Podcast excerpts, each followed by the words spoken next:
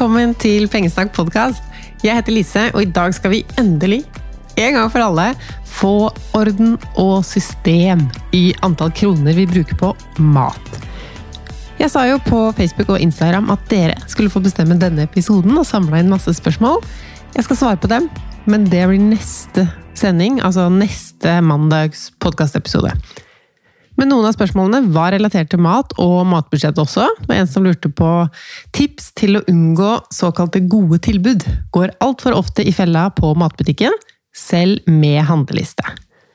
Og en som spurte hvor mye bør en familie på fire bruke på mat? Så det skal jeg snakke om, begge de tingene der, og gå gjennom steg for steg hva jeg nå gjør, og hvordan og hvorfor, og hvor mye penger vi bruker, og sånn. Matbudsjett er jo Det er litt sånn kjedelig.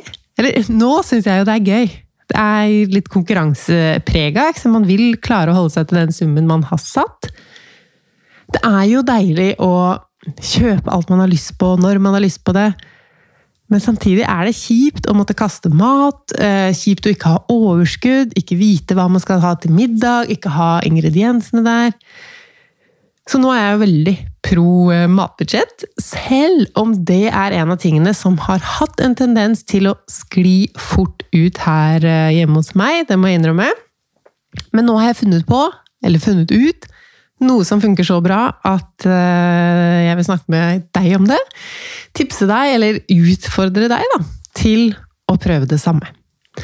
For det hadde vært gøy, hvis du ikke bare hørte på meg, men også faktisk fikk kontroll på ditt eget matforbruk. Hvis du ikke allerede har det, da. Jeg spurte jo på Instagram eh, om mange av dere har matbudsjett, og det var det mange som hadde. Så flere enn jeg hadde tenkt, i hvert fall.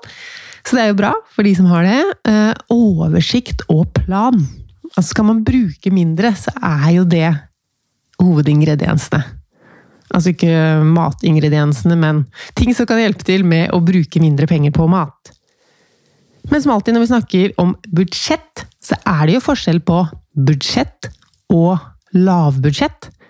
Så selv om du vil bruke mye penger på mat, så kan du ha budsjett for oversikt, og kanskje for å sikre at det ikke sklir helt ut. Siden jeg begynte med dette, så har vi eh, skrevet opp her summene vi har brukt. Eh, så da er det første uka 1011 kroner, 942 kroner, 1901 kroner, 1100 kroner og 584. I vår familie så er vi to voksne og to barn, og vi to voksne vi har ganske ulike krav til eh, maten. Tom sine hovedkriterier er eh, raskt og godt, og kanskje lite oppvask. Eh, mine er sunt og billig. Så det er mange krav til middagene spesielt, da. Barna våre er små. De er fem og et halvt og ett og et halvt. Jeg spiser ikke kjøtt, eh, men jeg liker å bestemme hva vi skal spise. Men hvis jeg bare bestemmer plantebasert mat, så er jeg ikke like populær lenger. Så det er også en ting jeg må ta hensyn til i vår matplanlegging nok kjøtt til at jeg beholder jobben som matansvarlig. Så greia er altså at vi har matbudsjett nå, men ikke per måned, som jeg har hatt når jeg har prøvd på det før, men per uke. Yes, Jeg skal komme tilbake til fordelen ved det. Det ble jo helt krasj den ene uka. Hørte når jeg ramsa opp, så var det en uke som plutselig var 1900, mens de andre var rundt sånn 1000. Jeg hadde matkasser i høst og vinter, og så mye deilig, sunn mat, men dyrt, da. Da er det jo over 1000 kroner bare for middager. Så det kan jeg jo ikke ha med dette budsjettet, selv om det var digg den ene uka i april hvor vi hadde matkasse. Så 1000 kroner i uka brukt på mat, det er vårt nye budsjett. Og da er det mat på matbutikken. Jeg skiller ikke ut såpe og tørkepapir og alt som er kjøpt på dagligvare. Jeg må kunne se bare summen på handelen, ikke linje for linje på kvitteringen hver gang. Eh, jeg legger også til det vi kjøper på restaurant. I denne perioden har vi vært ute og spist sushi, og vi har kjøpt milkshake to ganger ute. Så budsjettet er ikke så begrensende som eh, jeg ville kanskje trodd før vi eh, begynte. Da tenkte jeg det er et skikkelig prosjekt å få uka til å koste under 1000 kroner i mat. Men samtidig så er det stramt nok til at vi må følge med for å få det til å bli under 1000. Så hvis du har månedsbudsjett på mat, og det funker for deg, så er det jo ingen grunn til å endre noe som helst. Eh, men for meg, problemet mitt med månedsbudsjett, det er fler. Og det handler jo om at perioden er lang, da. Først og fremst. Og hvis det da har sklidd ut i uke én eller to, så kan det enten bli sånn at man gir opp. Samme det, nå klarer vi ikke denne måneden uansett. Eller tenker at nå strammer jeg så hardt inn Eh, og så eh, har man kanskje en familie å ta hensyn til. Man kan jo ikke gå sulten, liksom, eller bli sur. Eh, kanskje helst begge deler, både sulten og sur. Og da kanskje ender med å bestille takeaway eller noe, kjøper masse mat. Altså, typiske ting når det er for lite mat i huset. Og så er perioden så lang at man kanskje glemmer å følge med til det har gått for lang tid ut i måneden, og kanskje også brukt over budsjett allerede. Så flere fordeler jeg ser ved å ha ukesbudsjett. Det er så kort tid at eh, det er ikke snakk om 17 handleturer her. Det kan jo for så vidt skje, det, men det eh, da er det i hvert fall en grunn til å prøve ukesbudsjett. fordi um, det jeg ser for vår del, er at det ikke nødvendigvis er så lurt å ha bare én handel. um, men heller ikke gå og handle hver dag, da. Men med ukesbudsjett Jeg tenker at det er jo egentlig mer naturlig på mange måter. Eh, ikke veldig naturlig, kanskje, siden jeg ikke har tenkt på det før. Men vi snakker jo alltid om sant, ukeshandling. Vi snakker om å planlegge mat, lage en ukeplan. Da er det jo også én uke. Men så skal vi ha et budsjett som varer for måneden. Og det er jo rart. Og noen måneder starter på en mandag, noen på en torsdag. Og nei, altså Ukesbudsjett, det er noe å prøve hvis du som meg ikke har fått dette med matbudsjett helt til før. Og det første tipset mitt sånn for å få det til Det første tipset blir kanskje å prøve ukesbudsjett istedenfor matbudsjett, månedsbudsjett. Eh, men så handler det om å involvere familien. Gjerne barna, men spesielt de andre som handler mat. Fordi da funker det bedre. Eller jeg vil heller si det funker ikke hvis ikke alle er med. Det er nesten umulig å holde et budsjett når noen andre driver og handler. Det syns i hvert fall jeg, så vi må gjøre dette her sammen. Og man må vite om det. Eh, jeg har jo lyst til å være hovedansvarlig for mat, så jeg starter planleggingen Ja, du kan jo gjette. Hvor er det jeg starter planleggingen for å gjøre eh, matinnkjøpene så økonomisk som mulig? Er det A på butikken? B på internett? C på kjøkkenet? Riktig svar er på kjøkkenet. Hvis du ser den nyeste YouTube-filmen min, jeg legger en link i episodebeskrivelsen til den, der vil jeg se om 1000 kroner er riktig ukesbudsjett for oss, og om vi klarer å spise for under den summen. Og da var jeg veldig streng på å handle absolutt alt vi trengte til det vi skulle spise. Og jeg forbød meg selv å bruke ting hjemmefra, så jeg måtte kjøpe nytt alt. Ny ris, nytt ting som vi hadde sånn. Eh, for å se om vi virkelig altså Om 1000 kroner var nok, og at vi ikke skulle ta den hjemmefra. Og det blei jo litt klønete, for eh, jeg kjøpte f.eks. pålegg. Men så hadde vi jo litt pålegg hjemmefra før vi starta med 1000 kroners uker, som jeg da ikke rørte. Jeg la det i den nederste skuffen for å ikke jukse. Men i uke to så måtte vi jo spise av det pålegget, sånn at det ikke ble waste.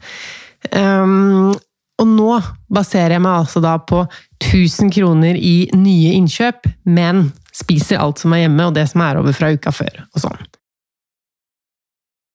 Jeg ser jo over forbruket mitt i ettertid, i alle kategorier. Det var jo det jeg holdt på med i, for to episoder siden, blant annet. Og jeg gjør det fordi jeg og Tom vi fordeler utgiftene til familien 50-50. Så da har vi regnskap vi putter alle summer inn i. Så da kommer jeg jo til å se hva jeg har brukt per måned. Men sånn i hverdagen, det jeg forholder meg til, er ukesbudsjettet. Fordi først så var jeg sånn øh, I uke én da havna vi 11 kroner over tilbake til at man er flere i ett hus. Jeg hadde jo handla inn den perfekte uka med middager, tenkt gjennom alt og vurdert hvert produkt. Og dagen etter så kom mannen og femåringen min hjem fra sykkeltur og hadde kjøpt mango og blåbær. Noe som jo er kos, og liker at det er hans kos og ikke drops, liksom. Men så blei jeg bekymra for budsjettet. Så det øh, Oi, nå var det flere ting på en gang. Uh, så nå handler jeg ikke inn for uka med 1000 kroner. Jeg handler mesteparten til middag og frokost. Eh, og lar det være igjen noen penger til melk, yoghurt, frukt og sånn, som jeg ser for meg at noen vil ha utover uka. Og da lager jeg heller rom for at uh, Tom kan gjøre noen småkjøp, og at jeg òg kan gjøre noen påfyllskjøp. Så selv om det er rot i mitt matbudsjett, så er det viktig for hva skal jeg si, trivselen. Dette er jo et budsjett vi skal leve med og ha det bra med, og da kan jeg ikke være så streng og rigid og ingen får lov å kjøpe en is uten at jeg veit om det. Så, men det med gjennomsnitt, eh, og om man skal ta med seg syndene sine, for å kalle det over i neste uke For jeg tenkte jo da, siden vi nå hadde brukt 1011 i uke 1, så måtte jeg da bruke 1000 minus 11, 989 kroner uka etter. Og det kunne jo gått fint. Eh, men så hadde jeg jo den uka hvor jeg hadde glemt å avbestille matkassa, og hadde nesten 1000 kroner over budsjett. Og da ville det jo blitt nesten null å bruke uka etter. Så eh, jeg fant ut at jeg må begynne på nytt uka igjen etterpå, og det er mer motiverende å begynne hver mandag med 1000 kroner, og heller da være stolt over å klare et lavere beløp hvis det er sånn at du handla inn mye uka før, som kan brukes da i den uka du er i. Så det er litt prøving og feiling. Eh, summen 1000 kroner er jeg veldig fornøyd med for vår del. Eh, det er sånn, som jeg sa, man havner ikke under 1000 kroner i uka uten å følge med, eh, men samtidig er det ikke så begrensa. Som du ser i den videoen på YouTube, så kjøper jeg vaskemiddel, dopapir og sånn, eh, og havner fortsatt under budsjett. Men ikke ta vårt beløp. Finn ditt eget beløp. Vi er jo ulike. Vi er, som de fleste vet, ikke så veldig opptatt av mat, egentlig. Glad i enkel mat. Um, Tom var jo også glad i den matkassa når vi hadde det, men uh, etter flere måneder med det, så begynte han å spørre sånn Kan vi bare ha pannekaker eller fiskekaker til middag en dag? Uh, så det har vi nå. Denne uka hadde vi havregrøt til middag en dag. Det vet jeg at alle ikke er enig i at er middag, men eh, vi syns det er perfekt sånn. før trening, mat, raskt, sunt, billig. Har oppi banan og blåbær hadde vi nå på tirsdag. Smør, kanel. Det er litt mer tenking for å få til fem om dagen når det ikke er grønnsaker i eh, middagene, men det ble jo litt diskusjoner da, angående helse når jeg la ut den eh, videoen på YouTube. Og veldig sånn påstander om at um, billig mat er mer usunt. Og der klarer jeg ikke helt å være enig, fordi det er mye usunn mat som koster mye. Altså Godteri er ikke spesielt billig. Ferdigretter, sånne, både sånne tørka som du skal blande i noe, og eh, det er mye ferdigmat som er mye dyrere enn å lage det fra bunn. Og mange sunne ingredienser som er eh, sammenligna med ferdigmat ekstremt billig. At man kan få store pakker med Linser, ris, gulrøtter, løk, poteter. Brokkoli er ikke spesielt dyrt. Um, så jeg tenker at uh, ja, skal du ha alt økologisk, så blir det litt dyrere. Men er du opptatt av økologisk, så er du kanskje også opptatt av å lage mer av maten selv. Uh, og jeg ser mye på priser, og jeg klarer ikke å se at sunnere mat er så mye dyrere enn ferdig, usunn drittmat. Det er også dyrt. Nok om det. Eh, jeg er jo ikke noen ernæringsperson. Ja, jeg har studert mat i fem år, men det er mer industriell produksjon av mat, og ikke ernæringsbiten. Så eh, dette handler først og fremst om å spare penger, men så klart er jeg jo opptatt av næringsstoffer. Få i meg god og sunn mat. Eh, og jeg syns ikke det er en sånn veldig sterk korrelasjon da, alltid mellom jo dyrere mat du kjøper, jo sunnere blir det. Det er masse billig mat som er sunne, rene råvarer, som ikke er prosessert og sånn, for de som er eh, veldig opptatt av det. Det er mange nå. Men penger var jo det vi skulle snakke om. Eh, din sum. Hvordan i all verden skal du finne ut hva som blir riktig ukesbudsjett for deg? Du kan jo ta utgangspunkt i disse SIFO-tallene. Statens institutt for forbruksforskning. De kommer hvert år med summer. Og tidligere sa man jo at det var en lav sum. Det er sånn skikkelig lavbudsjett som ja, man kan overleve på det, men det er liksom ingenting. Ehm, de tallene ble revidert i fjor, både med hensyn på ernæring og liksom inflasjon. og De ble i hvert fall plutselig et sånt hopp, om det var i fjor eller i forrige fjor. Så nå ser i hvert fall jeg på de tallene som mye mer normale, og ikke så lavbudsjett som de var tidligere. Eh, så hvis jeg har eh, Skal vi se, jeg skrev opp noen tall her. Hvis du er en mann, da, så oppgir SIFO at 3660 Det er da månedstall de opererer med. På mat, og så annet dagligvare 310, sånn at det blir nesten 4000 i måneden. Og da kan man jo tenke 1000 kroner i uka, hvis det er en mann. Er du dame, er summene litt lavere. 3100 pluss de samme 300. Så eh, da blir det under 1000 kroner uka. Hvis du er en hel eh, familie på eh, vår størrelse, så blir det 1850 kroner i uka. Um, så da ligger jo vi lavt sammenligna med det her. Um, har du eldre barn, jeg kan legge en link Kanskje jeg skulle skrive om dette her også til et Eh, blogginnlegg etter jeg har spilt inn podkasten. Der kan jeg legge linker til SIFO, som du kan søke hva som eh, passer til din eh, husholdningsstørrelse å bruke på mat. Som sagt så er vi forskjellige. Noen vil uh, ha alt økologisk, noen har ulike vaner. Allergier kan være noe som koster mye mer. Hvis det er noen eh, som ikke tåler gluten, noen andre som ikke skal ha melk, så koster det kanskje mer. Um, eller det koster definitivt mer med spesialmat. Uh, så du må jo ta utgangspunkt også i deg selv, og så kan du ta utgangspunkt i økonomien din. og kanskje heller vil anbefale enn å ta disse summene som er en slags normal, at du ser bakover i tid. Vi er jo nå i uke 18, så du har 17 uker til å gi deg en pekepinn på hva som kan være riktig for deg, eller eventuelt dere. Se bakover i tid. Hvor mye brukte du på mat forrige uke? Og uka før? Og hva med uka før der? Når du vet summen, så må du begynne å planlegge selve maten. Og som jeg sa, så begynner vi på kjøkkenet, og da begynner jeg med mat som må spises opp. Enten det er eh, grønnsaker som begynner å bli slappe, hvis du har salat eller gulrot eller spinat, sånne ting som ligger i pose, rist ut det vannet av og til, eller tørk, så det ikke begynner å råtne i sin egen eh, damp, hva heter det, fuktighet som grønnsakene slipper. Hvis du har noen bokser eller poser som er tørre, kanskje med tørkepapir inni, finn ut hvordan du får ting du vanligvis kjøper, til å vare lenge nok til at du får brukt dem. Å kaste mat, det er jo så uøkonomisk at vi må klare å ta vare på maten vi kjøper, og planlegge dem inn i planen. Så steg én i matplanleggingen, se hva du har som må spises opp. Det er jo ofte ting i kjøleskapet av grønnsaker. Kan også være kjøtt, meieriting. Eh, ting du har liggende på benken. Tacolefser, pølsebrød eller hva den har. Eh, det kan være rester. En ting jeg har vært veldig dårlig på før, er å Jeg er flink til å ta vare på rester, pakke dem inn, og så har jeg ikke vært så flink til å bruke de opp.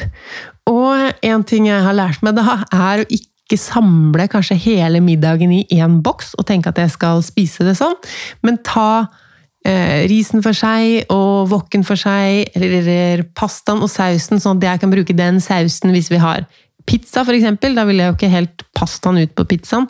Så bruk heller flere bokser, i tilfelle du ikke skal spise alt som en hel sånn lunsjrett dagen etter. Da er det jo greit. Men hvis du ikke har en plan, ta det heller hver for seg, sånn at du kan bruke hver og en ingrediens. Det er i hvert fall det som funker for meg. Det du har da i kjøleskapet, benken, planlegg inn de ingrediensene i retter.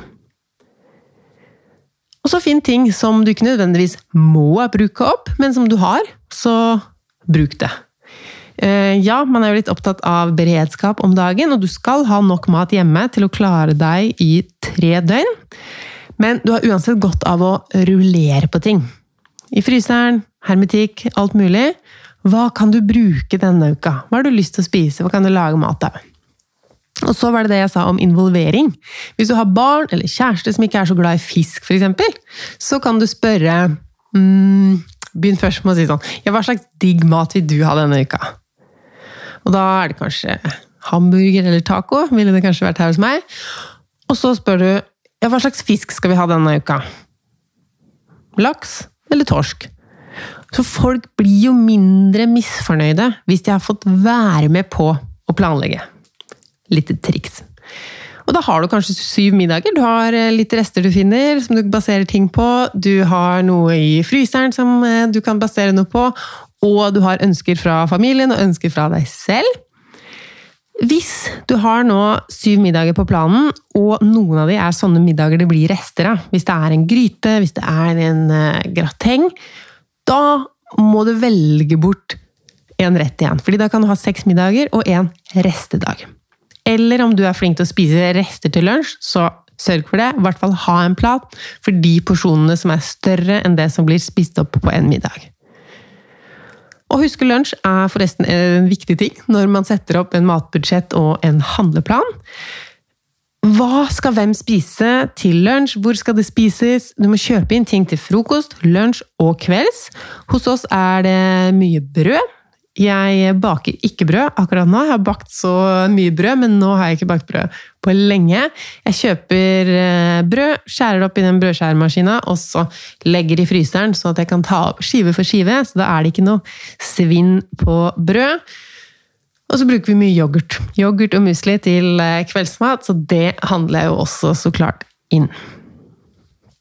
Hvis du ikke er ferdig med å planlegge middager ut ifra hva du har hjemme, og hva dere ønsker å spise, så kan du ta en titt på hva som er tilbud.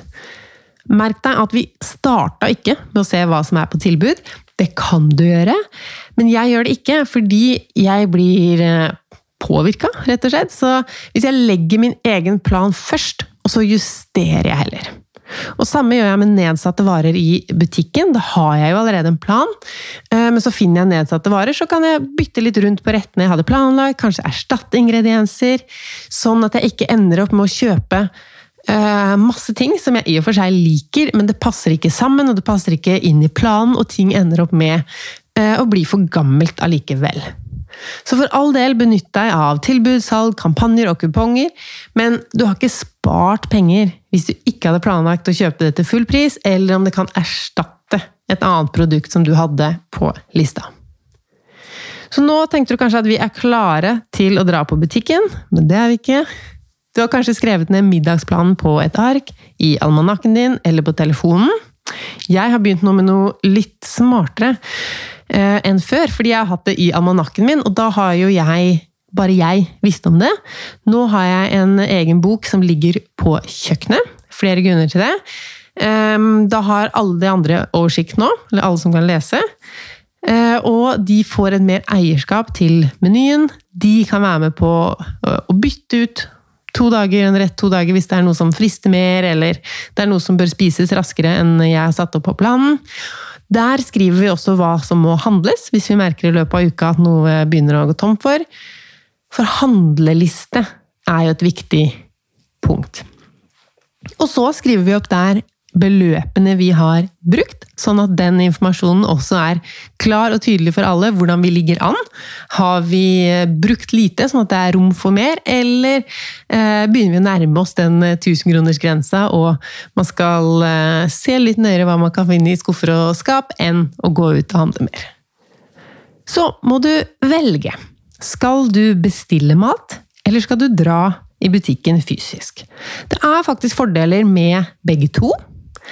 Jeg tror folk flest merker seg priser bedre på nett, faktisk. Selv om prisene står jo i butikken òg.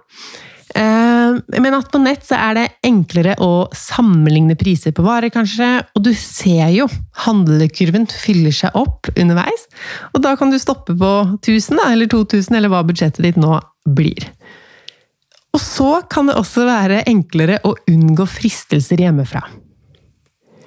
Og du kan handle inn selv om du er alene hjemme med barn som sover, du sparer tid eller andre grunner. Jeg liker å handle fysisk i butikk, fordi da slipper jeg å betale for frakt, jeg kan kjøpe ting som er nedsatt pga. dårlig dato, andre kupp som jeg ikke kommer over på nett.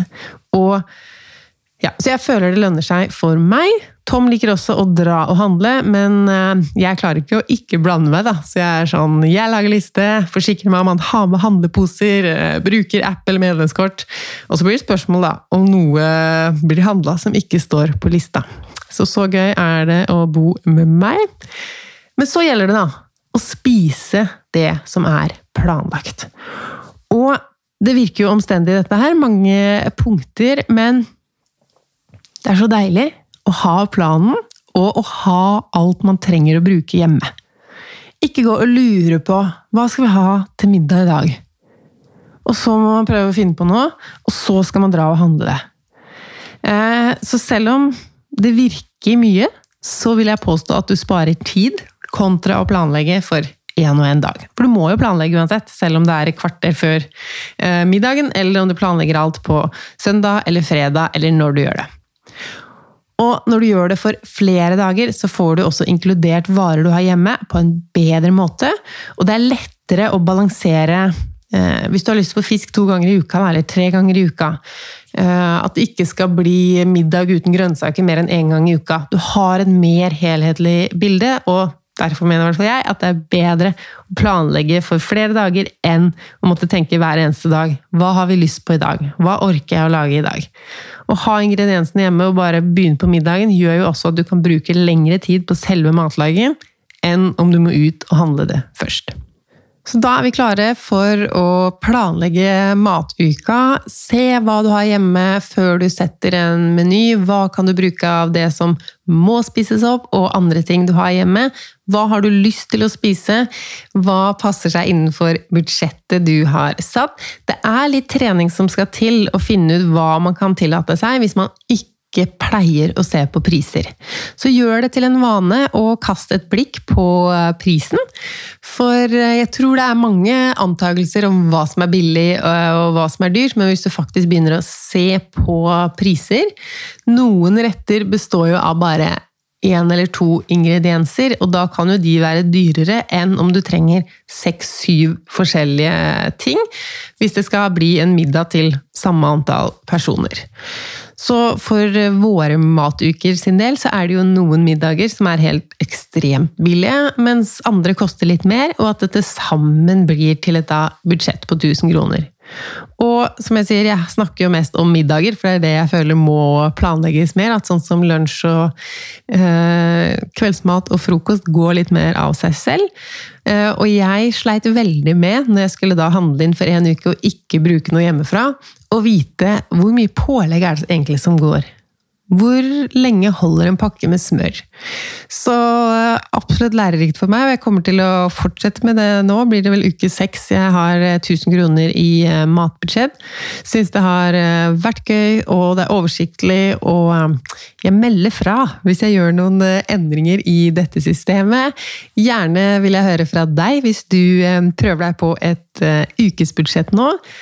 Finn tallet ditt, og det kan jo også justeres underveis. Hvis du gjør den metoden at du ser bakover i tid hvor mye du har brukt for mat, så kan det hende du syns det er veldig mye. At det går tusenvis og tusenvis av kroner ut på mat. Um, så ikke tenk nå at du neste uke må begynne da med å spise for 1000 kroner i uka, eller 500 kroner i uka. Hvis det er målet ditt, å komme ned på et så lavt budsjett, begynn med å redusere noe. Eller begynn med å lage et tall som er mer konstant. At det ikke spretter så mye opp og ned lenger. Vit hva du spiser for, og så kan du redusere litt. Når du begynner å bli kjent med priser, så ser du jo hva som er dyre ting. Og noen dyre ting, f.eks. blåbær, koster jo dyrt, men eh, er du glad i det, det er jo sunt og godt, kan det være en ting du velger å inkludere, framfor um, en godteripose som er dyr. Det er et veldig søkt eksempel med godteripose som eh, man kanskje burde kutte ut. Men andre varer som man eh, bruker eller har brukt eller velger av og til uten å se på prisen. Og når man legger merke til prisen, så ser man kanskje at oi, men det er ikke verdt det for meg å betale så mye for akkurat den varen. Da kan jeg jo heller få halvannen kilo gulrot og paprika og mye mer sånn friske, deilige ting enn en uh, dyrere sak. Vi snakkes inne i Facebook-gruppa. Jeg lager et innlegg hvor vi kan tipse hverandre om billige retter.